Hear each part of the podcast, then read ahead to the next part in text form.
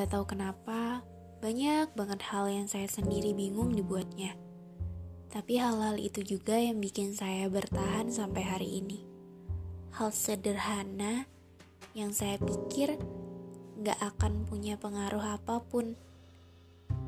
Hal membosankan yang kadang membuat saya kesal karena terus terjadi berulang kali.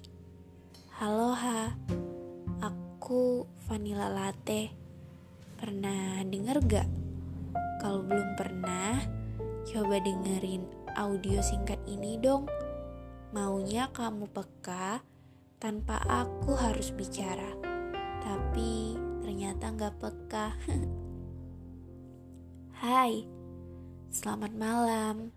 Buat kamu yang malam ini sedang menghabiskan waktunya untuk sekedar rebahan, menatap langit-langit, sambil memikirkan sesuatu yang seharusnya tidak perlu dipikirkan atau biasa disebut overthinking.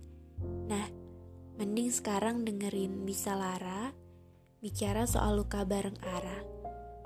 Hmm, hari-hari yang saya jalani masih seperti biasa. Jika dikatakan monoton, memang kenyataannya ya monoton. Tapi bukan itu yang mau saya bicarakan. Audio singkat ini lebih berbicara tentang bagaimana saya menjalani hari-hari saya. Mungkin. oh ya, rasanya lama banget gak menjalani rutinitas menyebalkan yang ternyata sekarang sangat saya rindukan. Rutinitas belajar di kampus dan banyak urusan organisasi atau rapat-rapat yang katanya penting ya memang penting. Saya yang sekarang sudah duduk di bangku kuliah semester 7 memang menjalani masa bebas teori. Tapi cukup melegakan ketika saat ini saya menjauh dari orang-orang menurut saya tidak pernah sadar dengan apa yang mereka lakukan ke orang lain. Dan terlalu banyak menyakiti orang lain bukan saya ingin menjadi orang yang introvert atau antisosial, tidak. Tapi sekarang saya berusaha menyusun kembali hal-hal yang sudah nggak berbentuk lagi, hal yang sudah mereka hancurkan dengan tanpa sadarnya. Mungkin beberapa orang akan berpikir jika saya adalah manusia yang merasa paling tersakiti. Tapi itu hak saya karena ini adalah hidup saya, bukan hidup mereka. Makanya, kalau beberapa orang mengatakan saya ini egois, lebih baik kalian introspeksi diri kalian dulu deh. Anyway, saya seneng banget banyak hal yang udah bisa terlewatkan.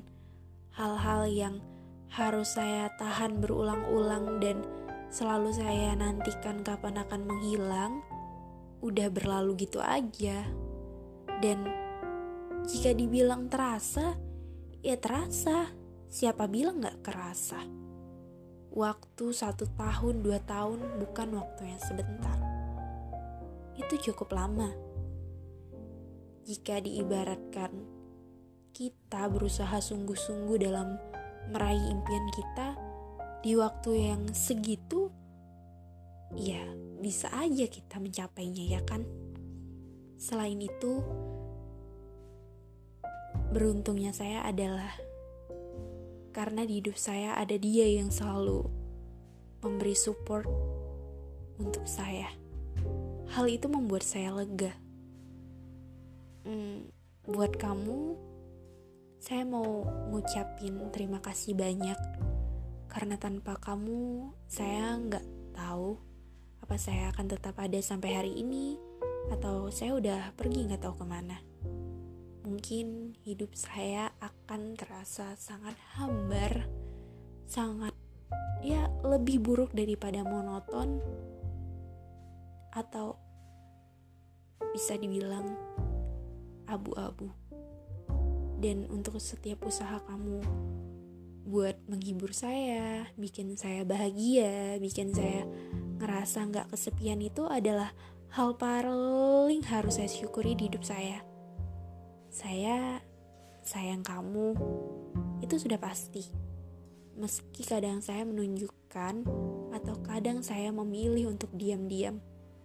Tapi intinya, hidup saya memang lebih baik ada kamu daripada gak ada kamu.